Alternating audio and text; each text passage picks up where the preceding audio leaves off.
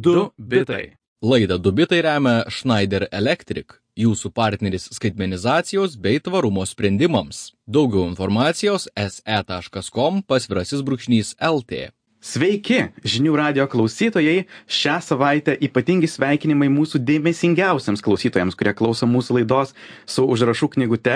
Tai yra valstybinė kalbos inspekcija. Labai dėkoju. Mes gavome du puslapius informacijos apie tai, kaip e, nelabai gerai kalbame, mokysimės ir taisysimės.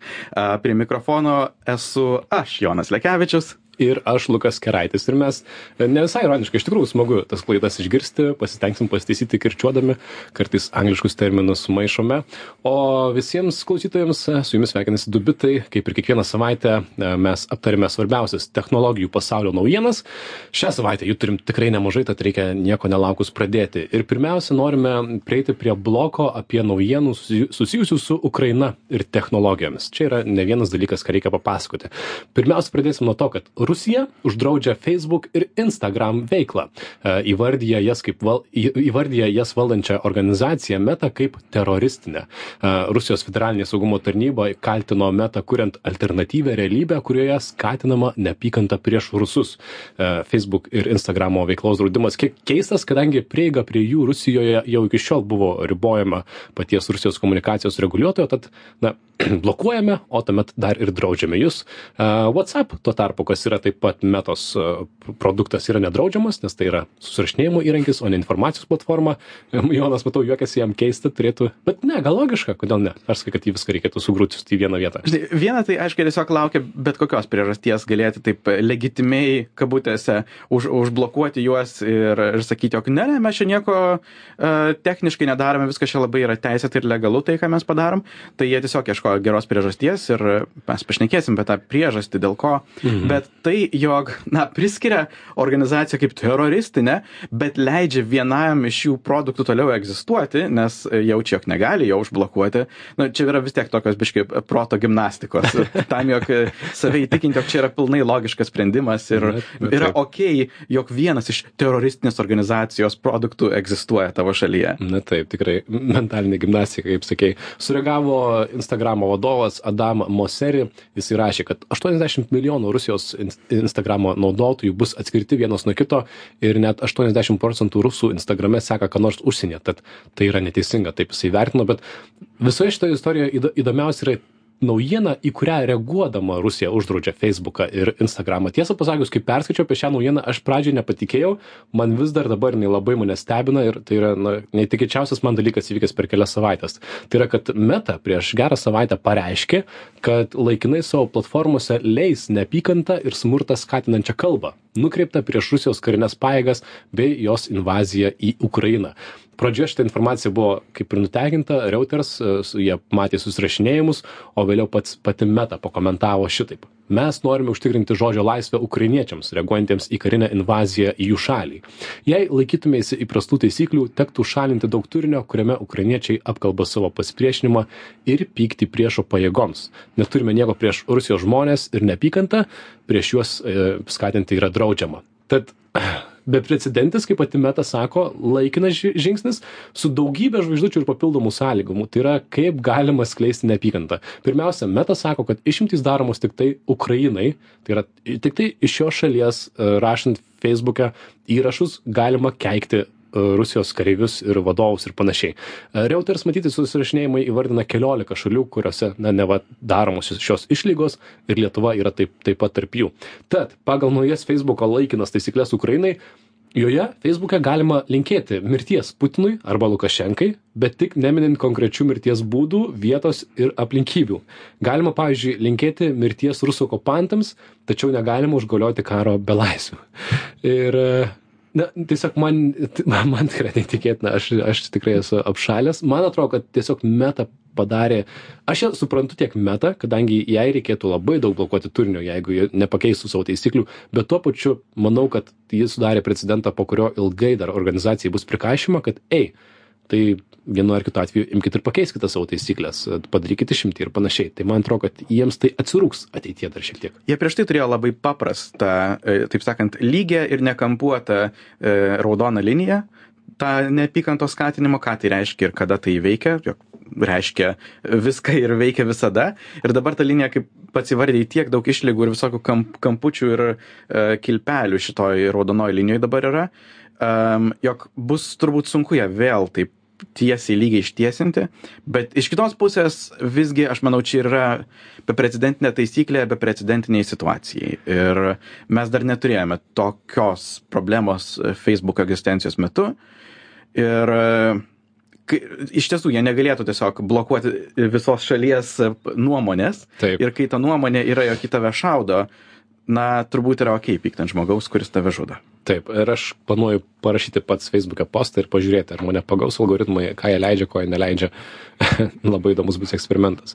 Kita naujiena iš Ukrainos tematikos, tai yra Zelenskio deepfake, tai yra televizijos kanalo Ukraine 24 puslapyje buvo prieš kurį laiką pasirodęs minutės ilgio vaizdo įrašas, kuriame Ukrainos prezidentas Zelenskis neva prašo ukrainiečių sudėti ginklus ir pasiduoti. Buvo greitai išaiškinta, kad tai yra deepfake, kaip mes verčiam lietuviškai giluminės kaukės klastoti. Tai yra sufabrikuotas visiškai netikras vaizdo įrašas. Ir pasak televizijos kanalo, įrašas buvo patalpintas, patalpintas hakeriams įsilaužus į jų svetainę, kas man, man atrodo, be maž dar įspūdingiau negu pats uh, deepfake sukūrimas. Mhm. Kaip? Jo. Um, tai žinai, pats turbūt uh, pastebėjo, anksčiau ir vėliau tai turėjo nutikti, nes technologija yra labai nesunkiai pasiekiama.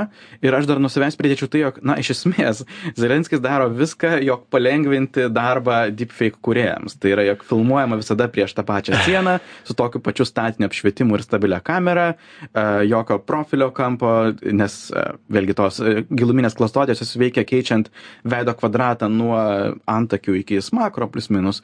Ir kai neturi profilio kažkokio vaizdo, tai yra žymiai paprasčiau suklastoti tavo, tavo kalbą.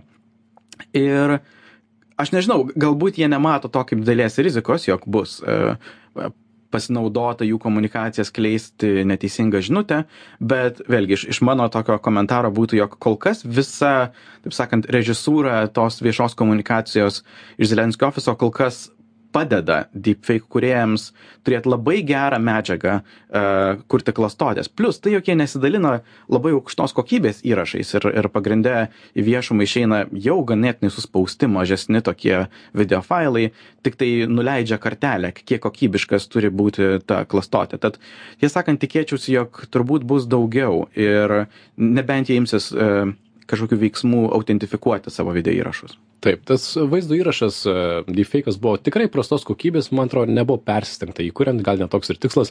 Klausimas yra, ar balsas, kuri, kuriame girdime, na, neva Zelenskio balsą, ar jis yra suvaidintas, ar susintetintas, apmokant dirbtinį intelektą. Aš spėčiau, kad greičiausiai suvaidintas, paprastesnis kelias, tai tikrai yra, yra įmanoma.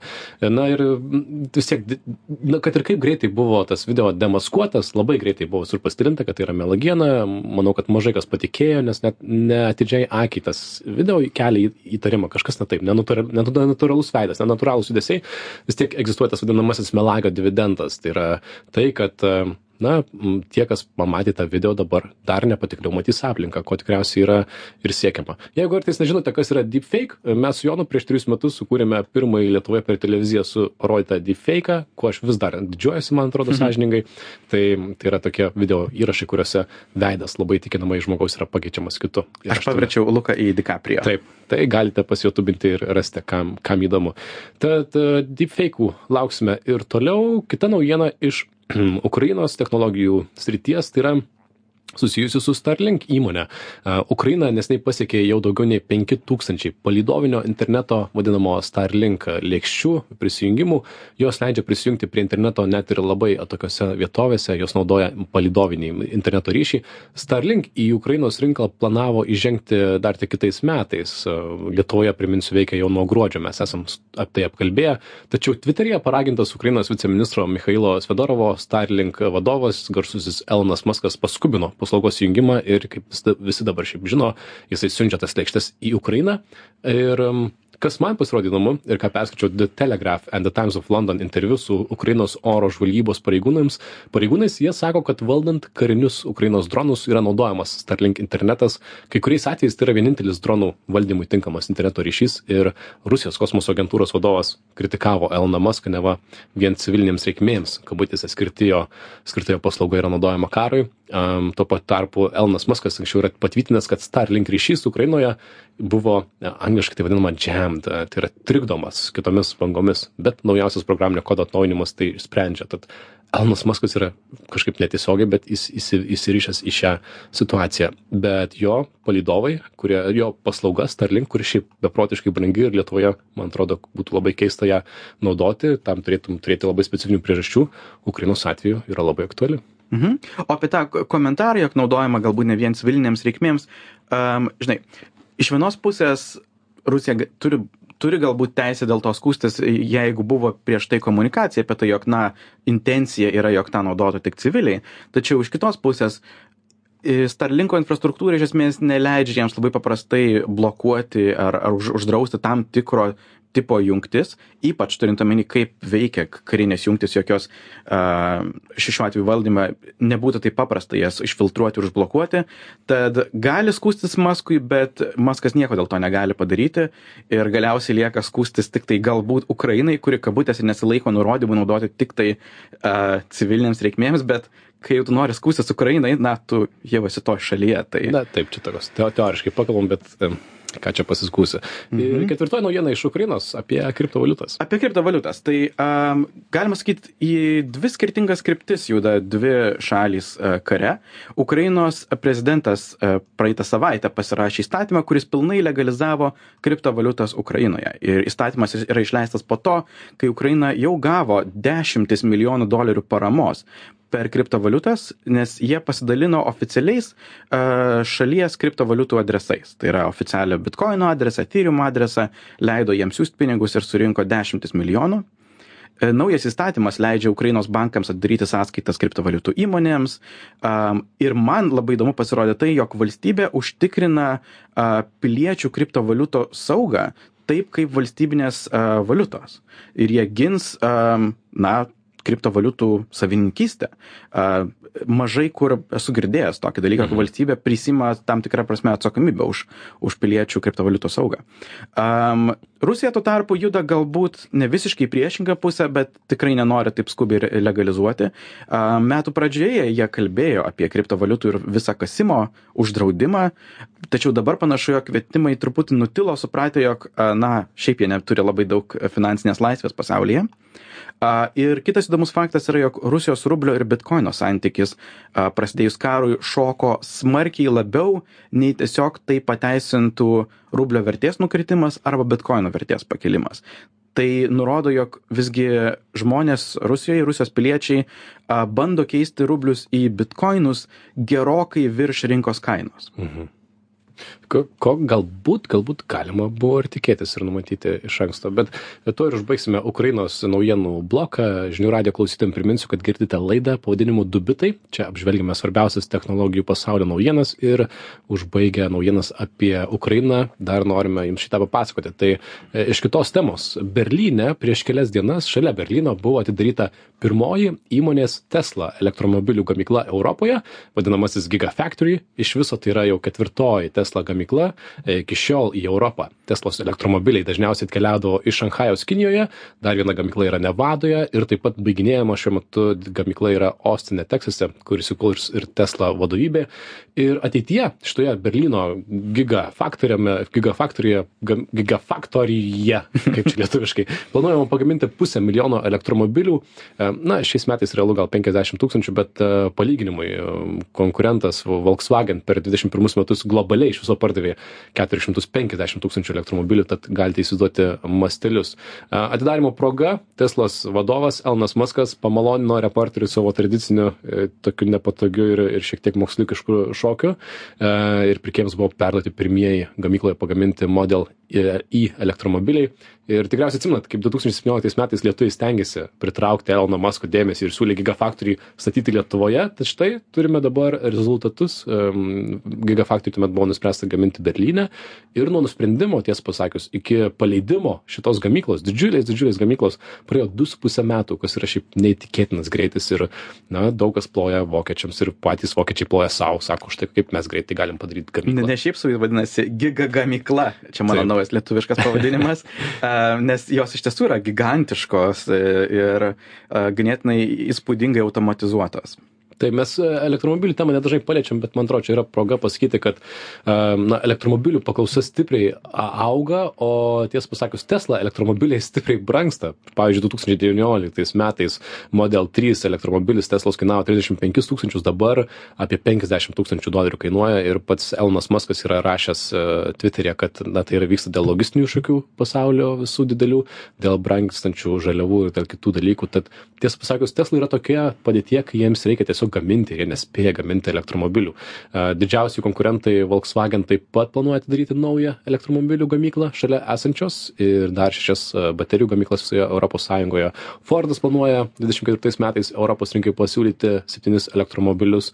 Tad a, labai įdomu bus stebėti šitą visą temą kadangi europa iki šiol e, elektromobilių rinkoje gamyboje buvo tokia aplenkta. Mes dažniausiai gaudavom elektromobilius elektromobilius iš kinijos ar iš e, amerikos o štai pagaliau ir pas mus yra tų tų gamyklėlių.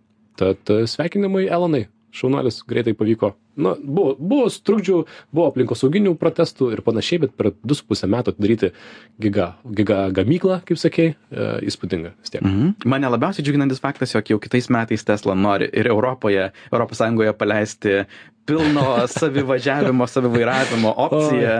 E, Tai Nors taip, nors jie patys sako, kad um, jų full driving, tai yra pilnai vairuojant versija, yra ne full driving. Žodžiu, ne, ne. žodžiu, Ką reiškia žodžiai? Ką Žodžiu, reiškia ką žada Elonas Muskas, tai, kaip sakant, patylėkim, bet šį, šį greitą atidarimą įvykdė. Tai va, o kit paskutinė turbūt naujiena. Šiandien galbūt e, noriu Jums pristatyti naują iškilusią hakerių grupę pavadinimu Lapsus dolerio ženkliukas, bet dauguma ją tiesiog vadina Lapsus. Ir ši hakerių grupė pradėjo kilti gruodį ir garsėja tuo, jog jos taikiniai iš esmės yra labai didelės, labai žinomos bendruomenės, e, kompanijos ir jie yra pakankamai vieši apie tai, kaip e, ir kodėl a, daro, jie turi populiarią telegramos grupę su 36 tūkstančiai sekėjų ir viešai kalba apie tai, ką, ką planuoja nulaužti. Net leidžia savo telegramos grupės nariams balsuoti, kas turėtų būti jų kitas taikinys. Labai savotiška grupė, kurios motivaciją gana sunku suprasti, bet galim truputuką pasigilinti, ką jinai veikia. Tarp jos taikinių yra Okta, tokia prisijungimo infrastruktūra, kuria buvo nulaužta šią savaitę, Microsoft, Nvidia, Samsung kompanijos ir bendrai jų metodai yra panašu, jog jie bando surasti tokius a, piktybinius vidinius darbuotojus, kurie gali pasidalinti arba VPN a, vidiniais prisijungimais, arba šiaip kažkokiu būdu leisti jiems patekti į kompanijos vidinį tinklą. O tame vidinėme tinkle jau labai gerai gaudosi, moka išpešti iš, iš to, kur patenka daug informacijos, neretai šimtais gigabaitų e, programinio kodo arba duomenų, brėžinių, dar kažko ir tą išnešti lauk ir po to pasidalina tą kaip torrentą. Kodėl jie tai daro, yra gana sunku atsakyti. Panašu, jog jiems tiesiog smagu, nes, nes, nes labai neaišku, ar jie siekia pelno, nes jie nepanašu, jog reikalauja išmokų iš, iš savo taikinių. Um, nulaužė Nvidia grupę, jie paprašė, Nvidios pareikalavo nuimti kriptovaliutų kasimo limitus, nes Nvidios grafikos plokštės yra naudojamos kasti ypač Ethereum kriptovaliutą ir tam, jog e, jos būtų mažiau efektyvios, jie yra uždėję limitus. Tad šitą hakerių grupuotę paprašė nuimti tuos limitus, o vėliau paprašė net pasidalinti atvi, atvirų driverių e, kodų. Žiū, bendrai akivaizdu, jog jie nesiekia tiesiog pelno, jie daro kažką kito, galbūt jie tiesiog linksma laužti didžiausias kompanijas pasaulyje. Kas visai įspūdinga, nes na, anonimus e, grupuotė ir ne dažnai yra visur minima ir, ir pagauna antraštės jie, nors pasakyčiau, kad e, Samsung ar Microsoft kodą gauti ir paviešinti, tai yra, na, šis tas daugiau negu padaryti DDoS ataką internetiniam puslapiui. Jo, ką jie kol kas yra išnešę? Tai pirmas toks didžiausias taikinys buvo Nvidia, jie išnešė apie 250 gigabaitų duomenų apie įvairiausius jų būsimus projektus, dar neišleistas grafikos plokštės, bei 71 tūkstantį jų darbuotojų prisijungimo. Tad vėlgi, jie gana gerai gaudosi vidinėse kompanijos sistemose. Iš Samsung jie pavogė Galaxy platformos kodą, ypač kodą susijusiu su bi- biometrinė apsauga ir duomenų šifravimu 190 gigabaitų. Microsoft šią savaitę jie įsilaužė į Microsoft, išnešė Bing paieškos kodą, Cortana balso asistento kodą bei jų Bing žemėlapių platformos duomenis. Na ir e, turbūt gal garsiausias, bet ma mažai kam pavojingiausias, bet mažai kam žinomas taikinys būtų Okta. Tokia platforma, kurią 15 tūkstančių didžiulių korporacijų pasaulyje naudoja saugiai prijungti savo darbuotojus į vidinės e, sistemas. Ir tam tikrą prasme, jeigu tu kontroliuoji Okta, tu gali kontroliuoti beveik visas tas 15 tūkstančių įmonių. Ir jie vėlgi tenai rado ir serverių prisijungimus, Slack kanalus, labai daug duomenų, kuriuos galėjo išnešti. Um, ką dar žinome apie grupę? Panašu, jog ji nėra valstybinė, kaip pavyzdžiui Rusijos Cozy Bear arba Fancy Bear. Jie tiesiog kviečia žmonės jungtis, kartais net sumoka jiems pinigus, jeigu jie duoda jiems naudingą informaciją. Ir, kaip minėjau, jie yra pakankamai vieši, jie siekia turėti daug sekėjų ir gana sunku suprasti jų motivaciją.